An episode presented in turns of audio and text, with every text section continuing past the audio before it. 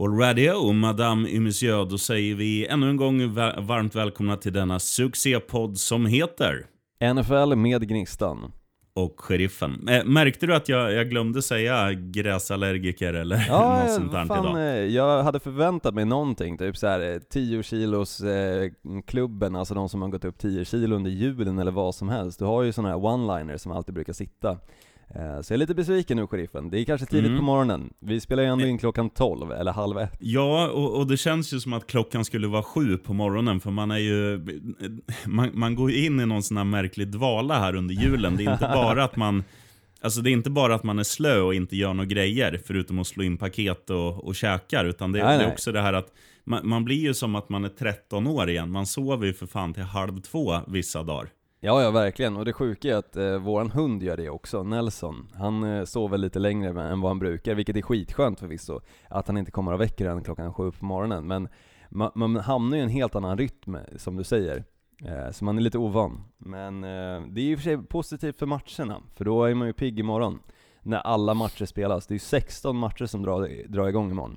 Mm. Men det är ganska tråkigt ändå för att egentligen allt är ju liksom redan klubbat vad som Nej, kommer att hända. Det, det, det finns några matcher som ja, gäller något. Precis, det är ganska mycket men, men som det... inte är klubbat. Alltså om man tittar på just sidningen, alltså vilka som kommer få en first round buy och vilka som eventuellt kommer missa det. Och också så finns det några lag kvar som har en chans att kliva in i slutspelet. Så det är fortfarande spännande, det tycker jag. Ja, visst är det så, men, men det hade ju varit det hade varit lite underbart om det hade varit så här, ja men lite som det var förra veckan, att vi, vi säger att eh, Eagles och Dallas hade mötts den här veckan och det hade eh, liksom kokats ner till en direkt avgörande match. Några sådana finns det egentligen inte, utan det är ju mer som du säger att, att det gäller sidning inför slutspel. Och visst, det kan vara intressant om man håller på ett lag som kommer spela slutspel, men det gör man ju inte. Man håller på Dolphins. Ja, du håller ju på helt fel lag. Men du har ju ditt andra lag, eh, Buffalo Bills, som faktiskt kommer spela slutspel. Men de kommer ju eh, inte kunna göra jättemycket med sidningen, utan de är ju klara för sin eh, sidning också. Eh, så där kommer yes. det inte hända jättemycket heller. Eh, men, men, som sagt, det finns ändå en hel del matcher. Och eh, innan vi egentligen går in på det så vill jag bara ge ett varningens tecken för det här avsnittet. Att eventuellt, nu var det så att igår så var jag på en middag, och det kom dit en tjej vars kille också skulle vara med på den här middagen. Och hon eh, berättade då, när, precis när hon kom och hade kramat allihopa, eh, att hennes kille låg hemma och förmodligen hade matförgiftning, men hon visste inte. Och det var inom eh, 24 timmar som hon dök upp då till den här middagen igår. Eh, så det finns en chans att jag eventuellt kommer bli ma magsjuk under den här podden, men jag hoppas att jag kan hålla i mig. Eh, och det är att jag krydda det. för lyssnarna. Det är krydda, om, om det helt plötsligt kommer en blaffa liksom mitt i avsnittet. Eh, då vet du varför. Men bara ett varningens finger om det väl sker, att eh, det kan bli den här explicit, som du eh, alltid brukar uttala helt fel. Exklibit. Men ehm, jag kastar in jag också. Om jag, om jag rasar ihop här så är det ehm, på grund av utmattning. Jag har hängt upp en spegel idag. Oh, ja den är tuff. Den är tuff, sheriffen. Mm, ja, du, du har ett hårt liv. Så är det. Du, eh, vad, i vilken ände vill du, vill du börja, Olsson? Nej, men jag, jag tycker vi börjar kika på vecka 16, så lite takeaways från dig, sheriffen, och sen kan vi skjuta introt efter det. Ja, eh, det, det, är väldigt många som har varit inne på det. Att, men man måste ju, jag måste ju ställa mig i sågningskören av Dallas Cowboys och deras insats, mm. för, framförallt i första halvlek mot Eagles. Man spelar ja, ja, en direkt avgörande match. Och alla i deras offensiv gör sin sämsta match den här säsongen. Alltså varenda spelare, allt från Dak Prescott till, eh, ja men Ezekiel, äh, äh, Ezekiel Elliott var väl inte sämst, men, men alla andra, alla som skulle fånga bollar. Alltså det var, det var sådana som du nästan hade fångat Olsson, som de liksom fibblade bort på, på tredje och två och så här. Det, det var liksom, när det kokas ner till en det här var ju för Dallas del säsongens viktigaste match. Hade de mm, vunnit absolut. den här hade de liksom haft egna händer inför den här när de har en, en Nej men då hade de redan varit klara. Mot, eh, då hade de varit klara. För då hade det inte alltså, räknats med den här matchen som är nu i helgen, utan då hade de faktiskt kunnat vila sina spelare också och kliva in i slutspelet eh, med eh, fjärde sidan då. Med tanke på att de är ju sämst divisionsvinnare så hamnar de då på fjärde sidan. Men de hade kunnat vila sina spelare, för det hade varit klart. Det hade inte behövt mm. avgöras på att Philadelphia Eagles måste förlora och Dallas Cowboys måste vinna den här veckan. Men precis som du säger, de hade allting i egna händer, men fu alltså fumblade totalt. Um, och det som, det som ska sägas också, det är ju med vilket lag eh, som Philadelphia ställde upp med. Alltså det var ju inte många som var ordinarie i det här laget, för att alla var ju skadade. Alla de här som, som var med när, när Eagles vann Super Bowl för ett par år sedan. Mm, eh, deras, de alltså Alshon Jeffrey och alla de här bästa wide receiversarna, de var skadade. Eh, Zach Ertz skadades tidigt, tidigt, i matchen också, eh, bröt revbenet, eh, eller mm. revbensfraktur. Eh, som också i och för sig kommer göra att han inte kommer spela nu i helgen mot eh, New York Giants. Så det är ju också någonting som i och för sig väger till fördel för cowboys, att de då ändå skadade deras bästa spelare. Eh, mm, offensiva ja, ja, spelare då i Philadelphia Eagles, men att de trots att det är så många starters som inte möter dem, alltså Philadelphia mot cowboys då, så lyckas cowboys ändå inte stoppa upp mer poäng än 9 poäng. Eh, och det, det kändes ganska länge som att den här matchen var avgjord redan i första kvarten, för att man såg att Dallas inte var det laget de behövde vara för att vinna den här matchen. Nej, de, de var piss bara. Och sen de den, andra, den andra takeawayen är ju så här att oavsett vilka lag man sympatiserar med så finns det vissa matcher som bara, som bara är rock'n'roll. Eh, och Dolphins mot Bengals på Super Bowl-arenan, Hard Rock Stadium i Miami Gardens. Ja, den var alltså, cool. Den var det, cool den matchen. Det var fan årets sjukaste match. Eh, det var nog det faktiskt. Snabba drag, bara Dolphins dominerar, är hur bra som helst och sen i fjärde kvarten, jag vet inte hur många poäng Bengals gör, men de, de bara de bara mosar på. De gör poäng efter poäng, de konverterar när de gör two point conversions. Onside de gör allting. kick också som eh, de lyckades onside vinna. Onside kick som lyckas. Eh, ja, just det. Ja, men helt, helt jävla galet. Matchen går till övertid. Och sen är det lite possession-byten, eh, väldigt många punts. Och sen det sista som händer, då avgör ju ändå Dolphins på ett field goal. Eh, och det, då blir man ju lycklig i själen. Dolphins vinner eh, 38-35. Eh, Bengals är väl också ganska nöjda för att nu är det ju spikat att de kommer drafta först eh, till nästa år. För de har, de har det sämsta recordet eh, i, i ligan. En seger, 14 förluster. Men eh, även om jag inte hade eh, liksom sympatiserat och, och supportat Dolphins så hade jag ju sagt att Fan vilken bra match, för det var, ja, men alltså, var häftigt ju, att se. Den var ju roligare att kolla på avgörandet i den matchen än inledningen i många matcher där det faktiskt räknades, alltså där det betydde mycket. Till exempel ja, ja. Cowboys-Eagles. Den matchen vill jag inte se överhuvudtaget i första kvarten förrän Miami och Bengals-matchen var klar. För den var så sjukt rolig att kolla på. Mm. Får jag såga ett lag till? Jättegärna, om du sågar Vikings. Nej, det gör jag Nej. inte. Men jag, jag tänker såga Seattle Seahawks. För så här är det, Seattle Seahawks har ju också väldigt mycket att spela för. De har mm. liksom en, en position inför slutspelet, man vill ha hemmaplansfördel. Eh, man vill använda sin 12th man, som man alltid tjatar om där i Seattle. Eh, och, och de har ju ett jävla alltså kanonläge. Man spelar hemma mot en avsågad konkurrent som egentligen är under uppbyggnad. Eh, Arizona Cardinals är med handen på hjärtat ett spännande lag som har någonting på gång. Men det är inte ett bra lag. Det är ett lag nej, som nej. Seattle Seahawks bara ska städa av, framförallt när de har allt att spela för och Cardinals har ingenting att spela för egentligen. Men sen är det liksom, vi var inne på Dolphins förut, gamla Dolphins running backen Kenyon Drake är kung första halvlek. Eh, Cardinals eh, liksom kommer ut helt eh, respektlösa och, och, bara kör. Och vinner den där matchen ganska stort. De vinner väl med 14 poäng tror jag, 27-13 till slut. Och, Stämmer bra. Och Seahawks var ju...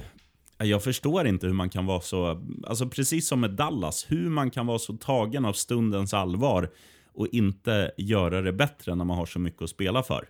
Men samtidigt kikar man på just Seattle Seahawks så har ju de alltså haft ganska tunga skador, framförallt på running back positionen. Nu tappar de båda sina running backs starters, det vill säga, eh, och har behövt leta efter nya running backs och går vi bara in på liksom eh, en händelse som skedde i veckan så är det ju det just att Marshawn Lynch är tillbaka i Seattle och NFL.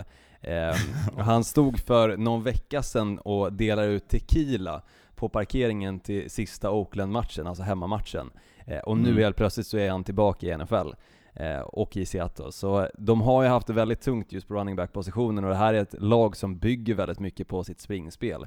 Eh, så utan de här running backsen så, så blir det väldigt lätt att kunna eh, försvara sig mot ett Seattle Seahawks, för de bygger inte riktigt upp de här passningsspelen som de annars gör med springspelen. Eh, Nej, men det- det är det också såklart det- påverkar ju hur de spelar. Alltså det är inte bara, det är klart det finns running backs. Du, du har ju ett running back-djup alltid på, på bänken. Eh, och det som är chockerande då, det är liksom att, att allting fallerar för att som running back är det ju ganska enkelt att bara säga så här, okej, du springer mellan den där tjockisen som har nummer 90 på tröjan och den tjockisen som har nummer 78 på tröjan. Så, kör. För att det, är- det är ju offensiva linjen som gör jobbet, men det var ingenting, alltså, det var ingenting som funkade för Seahawks. Och, Nej, jag håller med och jag, jag skulle säga att visst, det finns bra running backs och dåliga running backs. Men att vara running back, så länge du kan springa och hålla i bollen, så kan du vara bra när du, när du spelar i ett lag som har en bra offensiv linje. Och det tycker jag Seattle har. Eh, har, eh, amerikanskt R, sorry, alla, b- everybody. Eh, nej men du fattar vad jag menar. Det Ja, ja, jag var- hänger med. Jag tyckte det var mycket märkligt. Mm. Men du måste ändå ge lite cred till Green Bay Packers som jag ändå tycker gav ett ganska stort styrkebesked att de lyckades spöa Minnesota Vikings första gången på M&T, eh, nej, eh, vad heter den, eh, arenan nu? Bank of America. Bank of America Stadium heter den. Yes. Eh, äntligen lyckades spöa Minnesota Vikings på deras hemmaplan. Eh, första gången någonsin som Aaron Rodgers gör det, eh, och dessutom så blev det också nionde förlusten för Kirk Cousins när det kommer till Monday Night Football. Undrar om Eh. Olsson åkte in i en tunnel nu. Jag hör det väldigt dåligt. Nej men jag tyckte det var alltså, ett styrkebesked lite, och framförallt just Ja, att det var det. Eh, försvaret kom tillbaka. Alltså, vi såg ju det här försvaret vecka ett och sen dess har vi inte sett riktigt samma försvar i Green Bay Packers. Men nu äntligen så var de tillbaka eh, och jag tycker att de verkligen pikar i rätt läge också när det verkligen gäller. Eh, när divisionstiteln eh, är på tapeten, vinner de så vinner de den. Eh, och de fixade det. Eh, men nu som sagt så kommer de ju kliva in i den här veckan med sitt mindset att det här är en eh, playoff-match. Eh, Just av anledningen att de får en vilovecka så länge de bara vinner. Och de möter dessutom Detroit Lions med David Blouth, så de möter ju inte ens Matt Stafford. Så den matchen bör de vinna, tycker jag. Ja och då får de eh, som sagt en vilovecka också. Kul för dig, Olsson. Mm, det var jättekul. Att det, att det går bra efter ett par tunga år nu för Green Bay Ja, det har varit Doodles. två riktigt tunga år. Eh, Så jag är ju supernöjd att de faktiskt för första gången sedan 2011 kommer landa på ett tre- 13-3 record. Eh, Mm. Så det, det känns stort. Och jag visste att det här skulle ske såklart.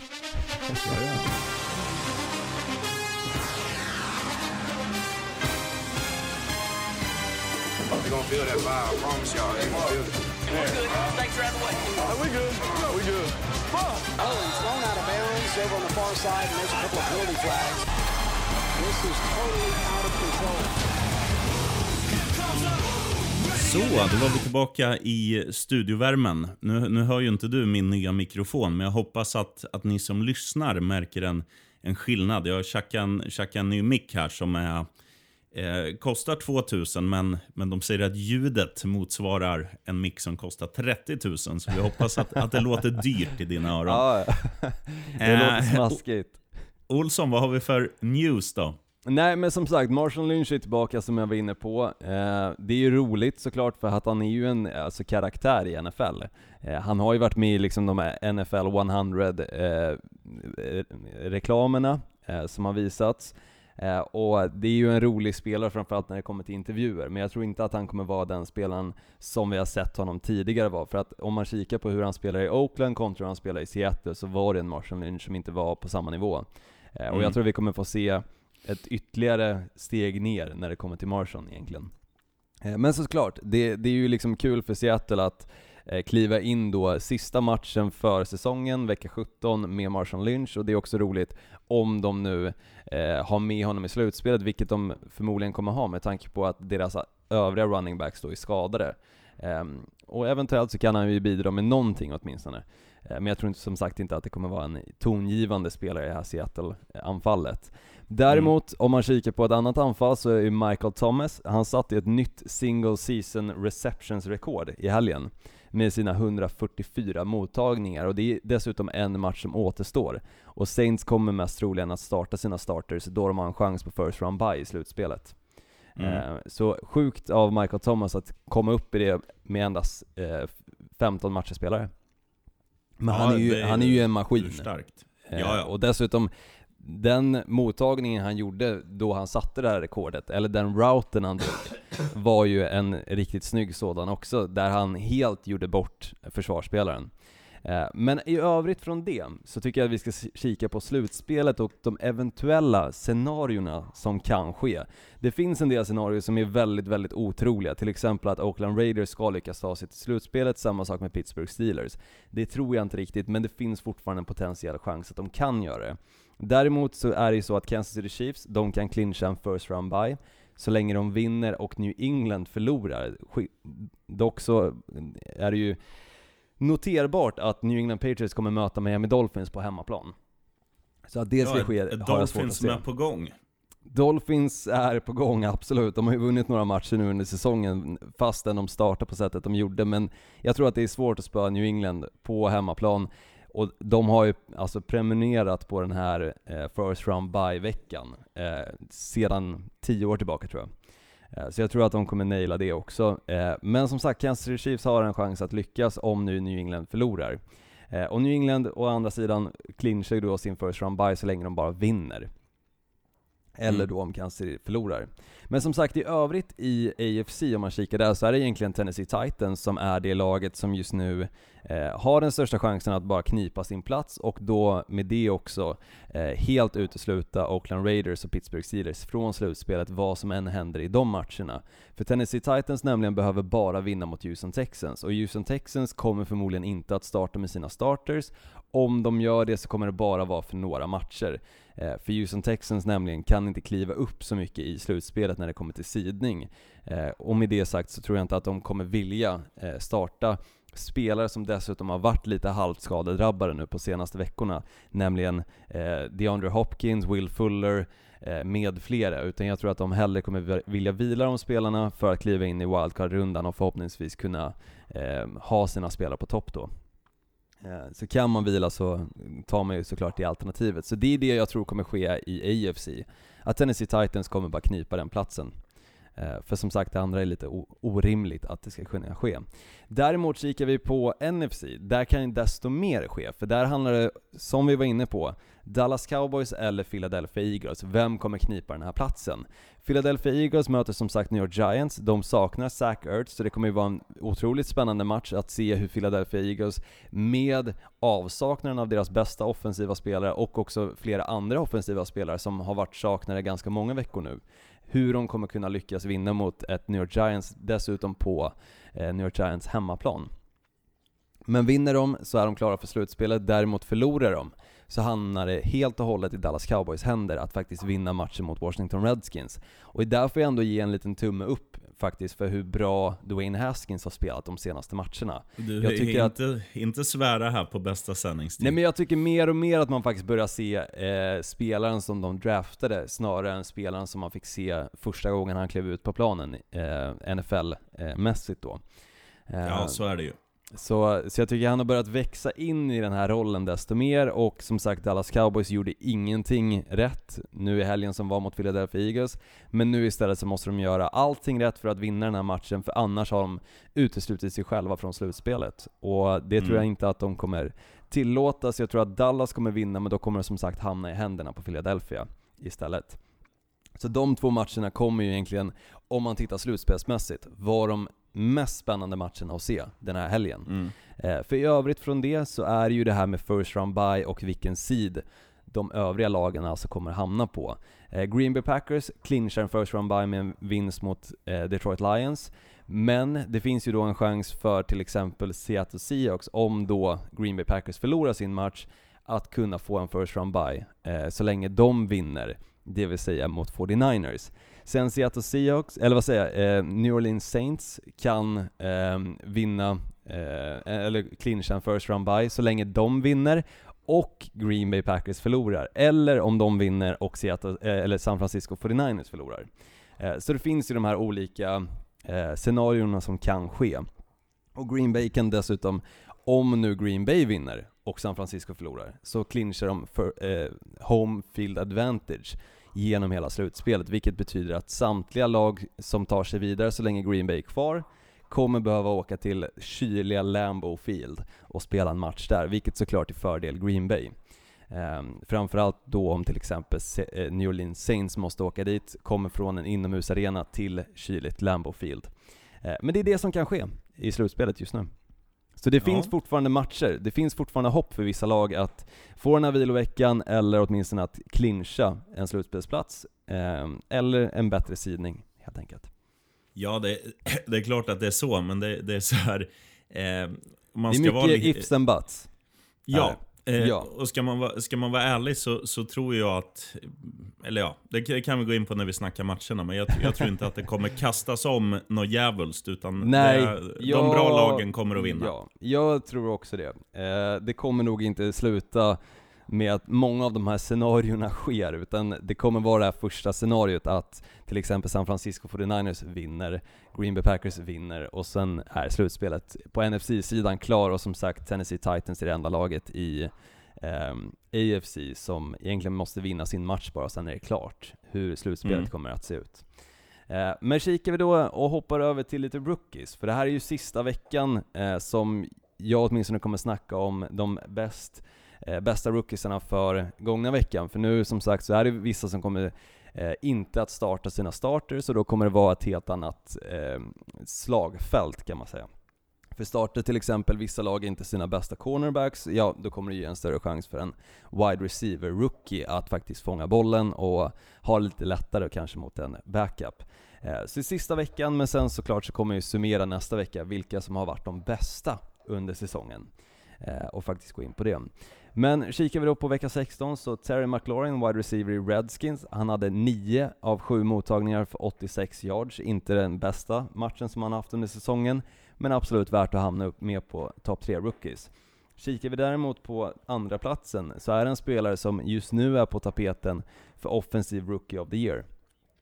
Och där snackar jag om Miles Sanders, running backen i Philadelphia Eagles. Han Ja, hade grym. 156 totala yards och en touchdown. Eh, och i början på säsongen så var det ju väldigt mycket snack om George Jacobs, running backen i eh, Oakland Raiders, att han eventuellt skulle bli Offensive Rookie of the Year.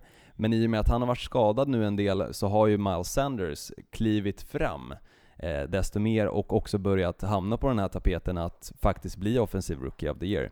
Eh, sen tycker jag i och för sig att A.J. Brown också i Tennessee Titans bör vara med i den diskussionen.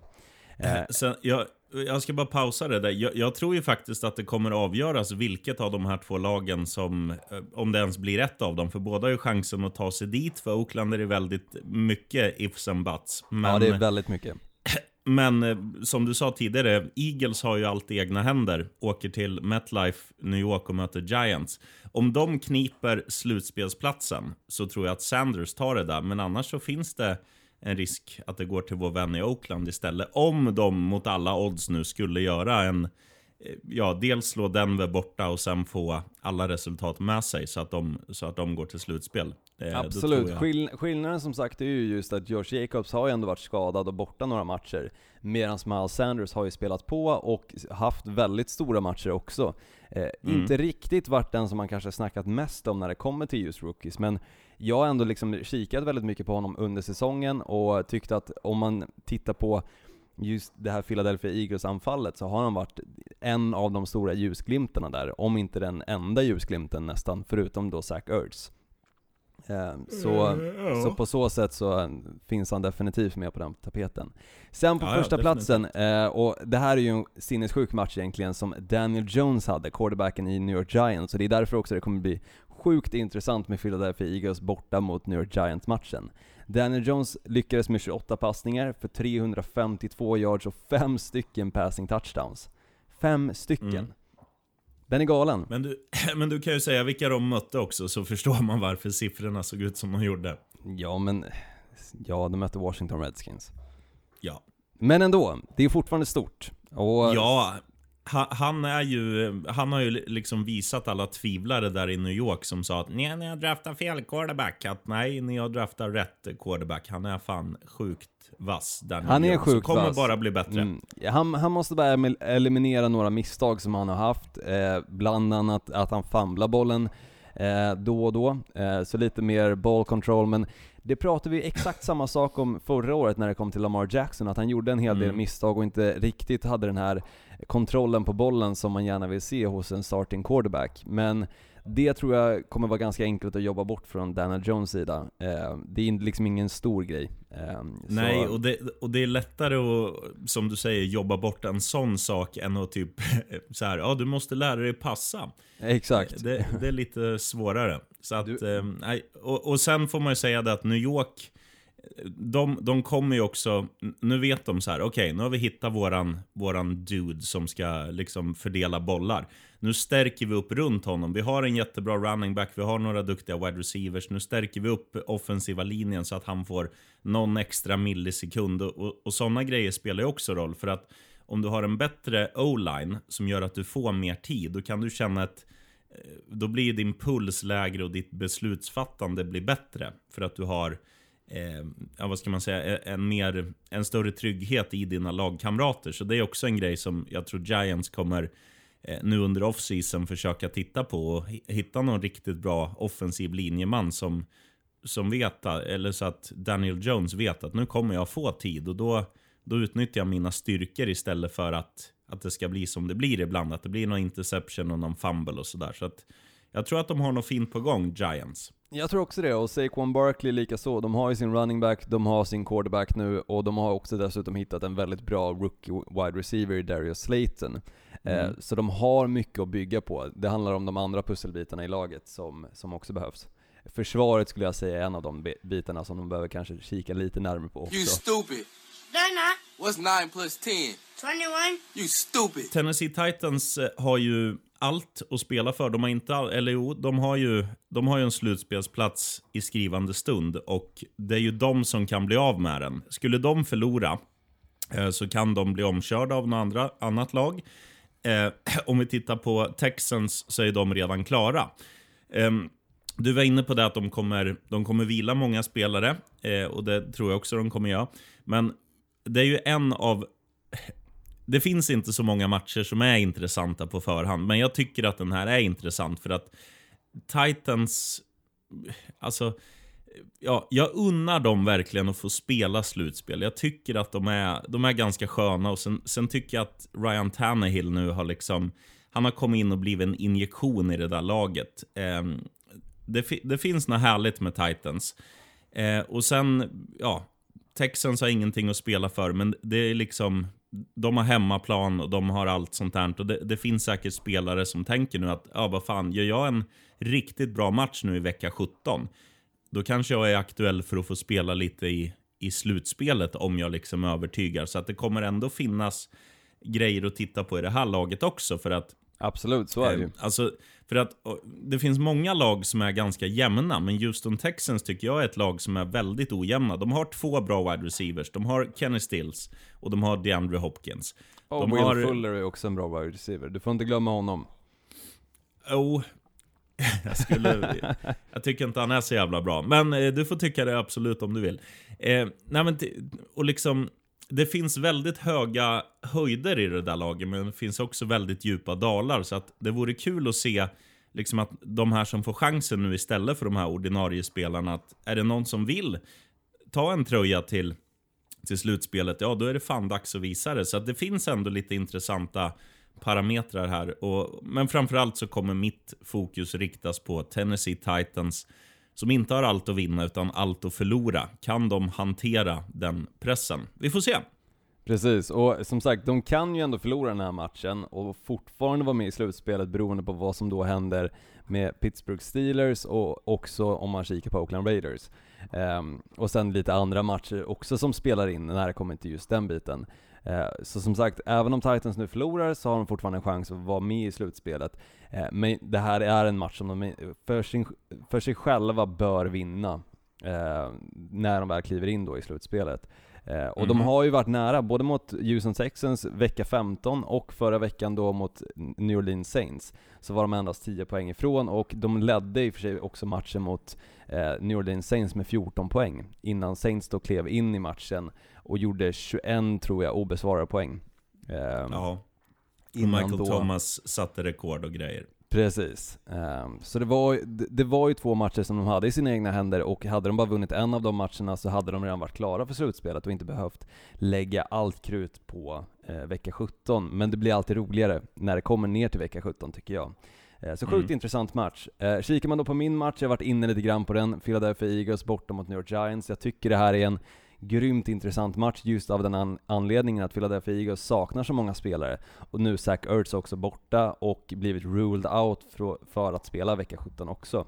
Eh, vilket gör då att allting ligger ju i Philadelphia Eagles händer. Att som jag varit inne på, att vinna den här matchen. Men de möter ändå ett New York Giants som äntligen har fått lite islossning, framförallt när det kommer till Saquon Barkley och Daniel Jones som jag är inne på, hade en magisk match mot eh, Washington Redskins. Men det är det här försvaret i New York Giants som talar nackdel New York. Men samtidigt spelar de hemma, det är deras sista match för säsongen, de vill förmodligen avsluta den såklart med en vinst. Eh, även om de då får drafta sämre. Eh, men det, det betyder liksom ingenting för deras del, utan de vill Jo, eh, tvåla det till Philadelphia Eagles. Ja, Det är divisionsmatch. betyder ju, det betyder ju den saken att man, man vill vara man vill vara den här jäveln eller nageln i ögat som Ja, man brukar säga. Exakt. Man, man, vill ju, man vill ju sätta käppar i hjulen för Eagles. Det är där det Ja. handlar om. Och jag tror det kan vara motivation nog. Jag tror också att det är motivation nog. Eh, och dessutom, det roliga är ju också om man kikar på running back-positionerna. Miles Sanders var ju backup running back till Saquon Barkley i Penn State. Eh, Mm. Så här är ju också liksom ett möte, vem kommer vara den bästa running backen i den här matchen? Saquon Barkley kommer ju göra allt för att vara den bättre running backen. Och Daniel Jones såklart så kommer ju försöka göra allt också för att alltså säkra eh, sista matchen och också visa liksom att jag kan ta mig an ett lag som är, i dagsläget har en slutspelsplats och vinna mot dem och knocka ut dem från slutspelet. Han kommer ju vara en hjälte i New York om han lyckas göra det. Eh, han hade i och för sig varit en hjälte om han hade vunnit mot Dallas Cowboys också. För de två lagen är ju superhatade i New York. Det finns Ja. alltså, det, är liksom två lag som New York Giants verkligen hatar mer än någonting annat. Men Philadelphia Eagles är väl det laget som åtminstone, eh, om man kikar på fanbase, är ju det mest hatade laget av New York Giants-fansen. Eh, så att vinna Mhm. den här matchen kommer ju alltså verkligen eh, vara ett eh, stort slag i, alltså, under bältet för Philadelphia Eagles del. Eh, så jag tror att Giants kommer kliva in och göra allt de kan för att vinna den här matchen. Eh, och de vet också vilka spelare som är de eventuella hoten i det här Philadelphia Eagles-anfallet, för det är inte många. Eh, det är Miles Nej. Sanders och sen eventuellt Dallas eh, Goddard och eh, Whitehead Artiga, som är väl de två, eh, eller tre spelarna som New York Giants egentligen bara måste stänga ner. Sen har de matchen i sina egna händer. Tjena, välkommen till världen. Du ska heta Whitehead. Ja, schysst. Han heter det i efternamn förvisso. Det är bara jag som inte kommer ändå. på hans eh, förnamn här. Shocking. Positively shocking. Eh, då säger jag Oakland Raiders. Mm. Eh, de, har ju, de har ju allt att spela för. Eh, en svår match borta mot Denver. Eh, men Denver är ju... De är också under uppbyggnad. De blandar och ger. Har, har vunnit sex matcher i år. Har vunnit sex matcher i år. Jag är inte kines. Eh, och förlorat 9. Oakland står på 7-8. Eh, gjorde en jävla bra match eh, gångna helgen när de spöade Chargers borta. Och viktigt för att det här, den här drömmen om ett eventuellt slutspel fortfarande ska leva. Visst, det är andra grejer som måste hända, men det måste ju ändå hända att Oakland vinner sin match. Motivation slår klass. Eh, jag skulle säga att Oakland både har bättre klass och högre motivation än årets upplaga av Denver Broncos. Eh, och jag tycker det är konstigt att de är så pass stor underdog i den här matchen. Så att lassa på Oakland, de kommer knipa sista halmstrået. Ja, jag kan ju säga lite varför de är underdogs i den här matchen. Ehm, det är ju fortfarande doubtful, eh, alltså tveksamt att Josh Jacobs kommer spela den här matchen och Dessutom kikar man på Denver Broncos så har de ju spelat bra de senaste matcherna och Drew Lock Ja, har ju ja. verkligen klivit in som eh, en vettig quarterback och eventuellt deras, eh, alltså franchise quarterback för framtiden då. Ehm, och försvaret har också spelat bättre än vad de har gjort de första matcherna under säsongen då, så det är ju ett bra Denver Broncos som ändå möter, men jag håller med om att Oakland Raiders har ju varit snäppet vassare den här säsongen. Eh, men samtidigt såklart så är det ju precis samma sak som om vi kikar på Giants-Eagles-matchen, att den här nagel i ögat-biten är ju den som många lag faktiskt under vecka 17 åtminstone hittar sin motivation i. Och kikar Jo, man skillnad, på... skillnaden där är ju oddsättningen. Att Eagles är ju dyngfavorit borta mot Giants. eh, Och Eagles har allt att spela för. Oakland är underdog, men Oakland Absolut. har allt att spela för. Det har inte Denver. Så är det, Och, men eh, jag kan säga vad som behöver ske för att Oakland Raiders faktiskt ska ta sig till slutspelet. De måste vinna, Pittsburgh Steelers och Tennessee Titans måste förlora, och sen måste Indianapolis Colts vinna, plus att Oakland måste eh, clincha Strength of Victory Tiebreaker över Pittsburgh Steelers, och det innebär då att ett av de här lagen måste också vinna sin match. Chicago Bears, Detroit Lions, Los Angeles Chargers eller New England Patriots. Så det är väldigt mycket som Ja. måste ske för att Oakland Raiders ska kliva in i slutspelet. Ja, det är klart det är så, men, men så, länge det finns, så länge det finns hopp så finns det ju chans. Absolut, och, och så, så är länge, det. så länge du har allt att spela för, du kan ju bara påverka din egen match. Så att när det, det första utfallet är att du själv måste vinna, Mm. då måste du ju gå för det. Du kan inte så här sitta och sura i omklädningsrummet bara Ja, vi måste vinna, men då måste de här grabbarna förlora och de måste kryssa och de måste vinna med 17 poäng. Utan ut Nej, nej. och kör. Mm. Ni, Ja, ja, så är ni, det ju. det är ju så, det är så han kommer elda på där, vår, vår vän, coachen som jag Ja. tappat namnet på nu. Eh, fan är han heter nu då? John Gruden, ja. Han kommer ju stå där och ryta och bara ja, fan grabbar, nu, nu har vi, nu har vi liksom, han kommer lägga fram det som att vi har saken i egna händer, fast så kommer inte vara Såklart, fallet. mm. Ut och rip their ball sacks, typ. ja men det kommer vara intressant att se också för att Vissa av de här matcherna spelas ju samtidigt, så det kommer ju vara, alltså på arenan, väldigt liksom mycket eh, rop om hur det står i de andra matcherna. Det kommer såklart visas upp också runt om arenan vad det står i de andra matcherna. Eh, och det kommer, tror jag, påverka också hur Oakland spelar. Ser de helt plötsligt att de ligger under, men de andra lagen ligger också under och Indianapolis Colts håller på att vinna sin match till exempel, då kommer de att göra allt för att se till att vinna den här. Eh, för då, då är det ju verkligen liksom motivation att de ser att nu har vi chansen grabbar, vi kliver in i fjärde kvarten, de andra ligger under, allt i våra händer. Kör bara så det ryker. Eh, däremot ligger de, un- eh, ligger de andra lagen under, alltså Indianapolis Colts eller att Pittsburgh Steelers håller på att vinna, så det, det tar kanske lite udden av eh, matchen tyvärr, tror jag. För då kommer man helt plötsligt börja tänka på vad som sker i de andra matcherna också. Eh, men det är, så, det är det här som jag tycker är så kul med vecka 17, alla de här ifs and buts som, jag var inne på. Eh, för två år sedan tror jag det var då Cincinnati Bengals slog ut Baltimore Ravens i slutspelet och fick då eh, in Buffalo Bills istället som stod inne i omklädningsrummet efter sin match och kollade på avslutningen på den här eh, Bengals eh, Ravens matchen. Då Andy Dalton slängde en passning och det blev helt plötsligt en touchdown. Ehm, när det avgörs på sådana grejer så är det sjukt kul att se. Framförallt i efterhand, eh, när man får se omklädningsrummet, stämningen där inne. Ja, kikar man då på min skrällen eh, så kommer jag faktiskt kliva in på just eh, Cincinnati Bengals hemma mot Cleveland Browns. Det här är en match där det inte handlar om någonting, förutom Andy Daltons framtid. Eh, för det är ju mest troligen Andy Daltons sista match som en Bengals, då de har säkrat första picket i 2020 års draft som vi var inne på och kommer med största sannolikhet drafta Joe Burrow. Eh, som det här året i college har gjort en fantastisk säsong och också är på tapeten för att draftas first overall och framförallt nu när det är Cincinnati som kommer drafta, de behöver en quarterback så kommer de att kika eh, väldigt hårt på just den här spelaren. Eh, med det sagt som sagt så tror jag att Andy Dalton kommer försöka göra allt för att visa upp sin bästa sida och säkra ett jobb någon annanstans eh, nästa år. Eh, åtminstone som backup och kanske göra samma resa som Ryan Tannehill gjorde. Ja. Så jag tror att Cincinnati Bengals har, med det sagt, mer att spela för. Och såklart så vill de inte avsluta säsongen 1-15, utan det ser lite bättre ut när det åtminstone står 2-14. ja jävla skillnad. Jävla Det är- skillnad! Det är en dubbel ökning. Ja, det är ju det. Ehm, ja, men det, fin det finns ju egentligen bara en och det, det är också tråkigt för att det är ju, bortsett från New England mot Miami så är det här lägsta oddset kommande vecka. Det är Dallas hemma mot Washington Redskins. Ja. Eh, Mm. Precis med samma motivering som, som Oakland, att Dallas har ju eh, de har inte egna händer, men de måste ju vinna. För att om både Dallas och Philadelphia förlorar, så är det Philadelphia som spelar slutspel. Om Dallas vinner, så är det upp till Philadelphia att slå New York borta. Och det är inte den lättaste matchen. Så att Dallas måste ju ge sig själva chansen och det gör man genom att köra över Washington Redskins hemma i Big D, eller Arlington eh, som det heter där de spelar. Eh, och det kommer de göra, det är inget snack. Det kommer vara, de kommer säkert vinna med 30 poäng eller något i den stilen. Det, det kommer vara mos. Så, ja, och de ja. spelar ju inte bara för slutspelsplatsen, utan vissa spelar ju också för sitt jobb. Eh, och då snackar jag om tränaren till exempel.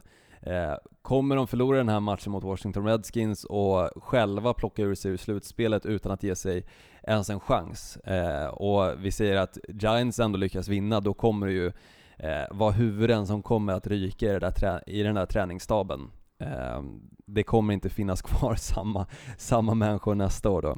Eh, Nej, nej. Det kommer det säkert inte göra ändå. eh, Med Förmodligen de inte. Har, de har underpresterat grovt den här säsongen. Men det har de. eh, de har så pass hög eh, högsta nivå, Dallas. Så jag tror att när man har en liten morot, att man ändå vet att ah, fan, Eagles kommer få det. Jag, jag tror det också. Jag tror de också känner det att eh, de är tacksamma att det inte är tvärtom. Att det är Eagles som har en skrattmatch mot Redskins och, och Dallas som ska åka till New York och spela. Utan jag, jag tror att det kommer bli de är ganska, jag ska inte säga nöjda, men, men det kunde varit värre. Så att Det de kunde kommer varit göra värre, det bästa av absolut. situationen. För min egen del så håller jag ju på att Dallas tar sig till slutspelet, för det innebär ju att jag får ytterligare ett rätt i våran lilla tippning för slutspelet och då kanske kan eh, säkra också att du är den som får köpa biljetter till nästa års London-match eh, för både mig och damen min. Mycket tunnlar i Växjö.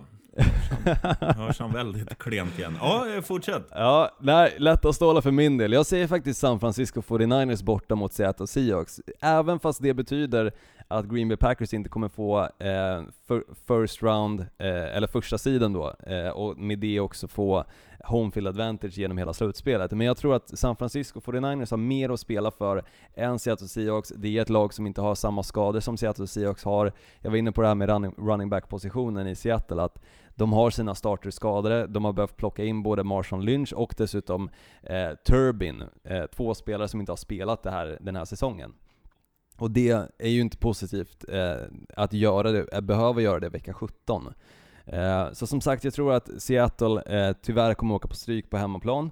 Eh, för som sagt, eh, vinner San Francisco 49ers, det är det enda de behöver göra. Då vinner de både divisionen och en vilovecka. Eh, och med det också säkrar eh, home field advantage genom hela slutspelet. Eh, så jag, Mm. jag, jag ser att San Francisco 49ers har lite mer att spela för och kommer också att vinna den här matchen. Eh, tråkigt men sant. Ja, det är väl inte så jävla tråkigt. Det är kul, att det går bra för 49ers någon gång. Jo, det är kul såklart, men det, det är ju tråkigt med tanke på att hade då Seattle Seahawks vunnit istället, eh, vilket jag har svårt att se, så, så innebär ju det så, eh, med det sagt att Green Bay eh, kan få Boo.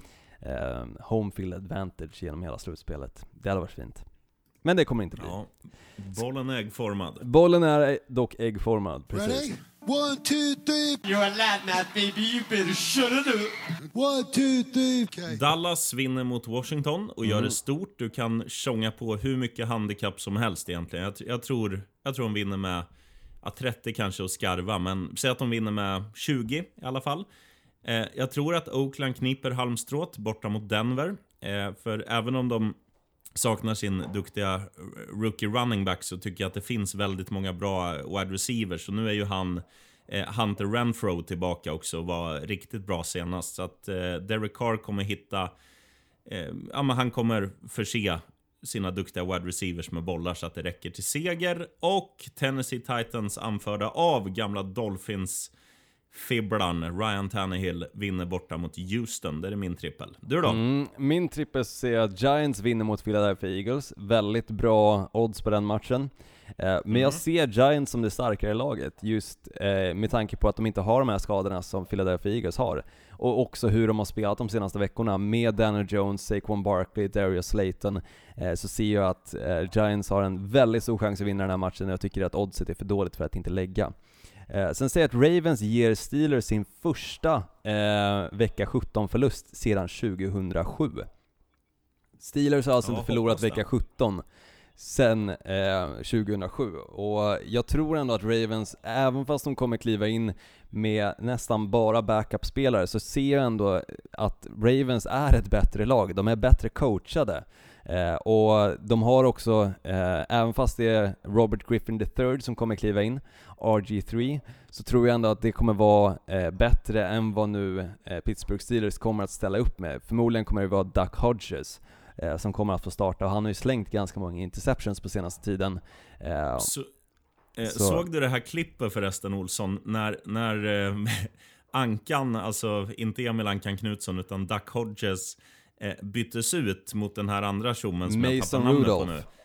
A- Att det var en som tog av sig tröjan och en ankmask och satte på sig en, en röd näsa istället för att liksom symbolisera nu, nu är Rudolf med röda inne istället. Nej det missade jag faktiskt helt, men, men det känns klassiskt Pittsburghs eh, fans faktiskt. Eh, Mm. Men det, som sagt, De spelar ju, vi ska säga det också, de, de spelade ju på bortaplan nu förra matchen och, och jag tycker det är jävligt häftigt som liksom motståndarsupporter åka till en arena och ha med dig eh, dubbla ombyten eh, beroende på vem som spelar och vad som händer. Jag, Jo men det är ju den här den- osäkerheten som ändå har varit i Pittsburgh under hela säsongen. Ända sedan Ben Roethlisberger skadade sig, jag tror det var vecka ett, eh, Eh, så har det ju varit en väldig osäkerhet med vem som är deras quarterback. Mason Rudolph fick börja och han gjorde det rätt bra. Eh, men sen så sa ju headcoachen då Mike Tomlin att han, eh, he killed us.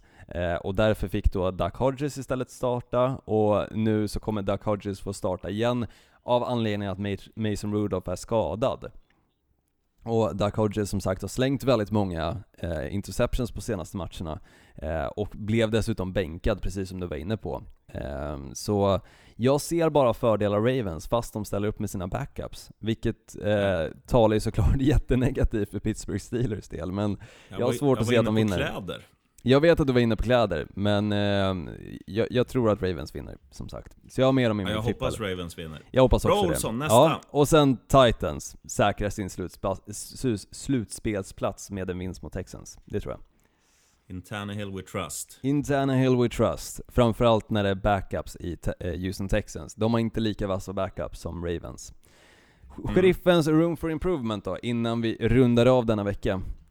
Ja, eh, det ska bli väldigt häftigt tycker jag att se vår vän i Tampa Bay Buccaneers, James Winston, om han, om han kan passa Eh, om han skulle kunna göra e- en match nu när det, de har ingenting att spela för. Eh, men de möter Atlanta Falcons som inte är Ja, det är väl inte det bästa försvaret i ligan om vi säger så. Kan jo, James om man kikar Winston... de senaste veckorna så har de ju varit ett av de bästa, faktiskt. Ja, men man tittar ju under en hel säsong. Absolut. Kan James Winston göra säsongens match, i alla fall i en kolumn, och inte kasta någon interception? Det ska vara väldigt häftigt att se, för att han har ju varit sylvass, eh, alltså andra halvan av säsongen, hans offensiva siffror, om man bara skulle fimpa den kolumnen, alltså han, han är ju bäst i ligan. Mm, absolut. Men det är ju att han kastar ju bort alldeles för mycket bollar. Ja. Kan, kan han liksom utmana sig själv och gå in med inställningen så, nu ska jag göra en match där jag inte kastar bort någon boll. Eh, det vill jag se. Jag vill också I brist se på det. annat. ja. I brist på annat. Ja, men, Eh. men det roliga är ju här att han gjorde exakt det du var inne på förra veckan. Första driven så slängde han en interception. Ja, det är så varje match. Det är varje match, det är helt sjukt. Ja, Eh, ja, det, det är väl det. Och sen, och sen, eh, och sen skulle jag, alltså, ja, det finns väldigt mycket. Jag, sku, jag skulle vilja se att Dolphins går ut och, och ger New England en match. Det kommer de ju inte göra, men det hade varit kul för att det är många år när Dolphins har varit ett så här, alltså halvbra lag. Nu är vi ett skräplag. Jag vet, alla som lyssnar. Men då är det så här, då, då har man haft en viss förhoppning att, ja men fan, kanske i år att vi kan att vi kan göra en bra match borta mot New England. Men sen åker man hem och har torskat med 41-6. Eh, kan vi göra, kan vi sprattla till nu när vi inte har någonting att förlora och bara gå ut och spela för att det är kul? Eh, nej, förmodligen inte, men jag skulle vilja se det.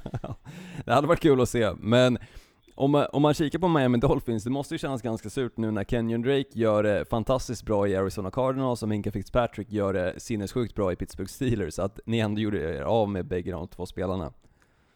Jo, men vi får se vad vi får in med de picken. Alltså, det kan ju i, Absolut, i, i slutändan kan det ju bli skitbra. För att det är många av de här unga som inte hade fått chansen annars. Mm. Och, och det är väldigt många unga som är jävligt duktiga. Tittar man på, på en spelare i Dolphins bara som, som inte får mycket rubriker, Mike Gesicki, han var ju kung förra matchen. Absolut. Stod för Mm. två touchdowns, eh, mängder med, med yards, deras tight end då.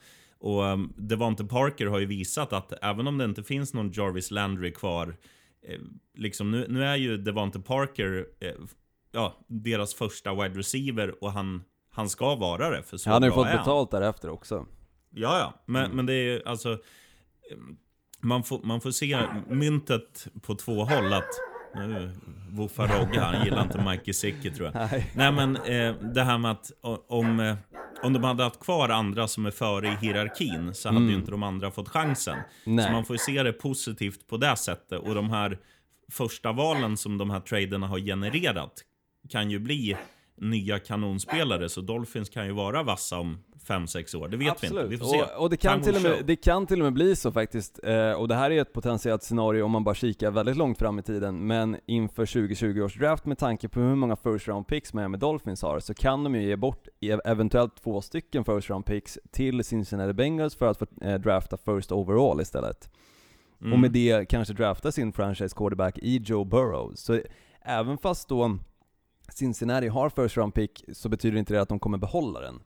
Eh, det är alltid det som är roligt också för eh, när det finns lag då, eh, precis som Oakland Raiders det här året, som har väldigt många first round picks, så finns alltid den potentiella chansen att de tradar bort några extra picks för att få drafta högre, för att plocka Mm. de spelarna de verkligen vill ha. Så Miami Dolphins sitter ju i ett ypperligt läge när det kommer till 2020 års draft. Och jag hoppas ja, eller att de man, gör eller det... att man säger... Ja, säg du. Jag hoppas att de gör det bra bara, om jag säger så. Ja, och, och en annan grej man ska säga, det är ju de här lagen som har liksom...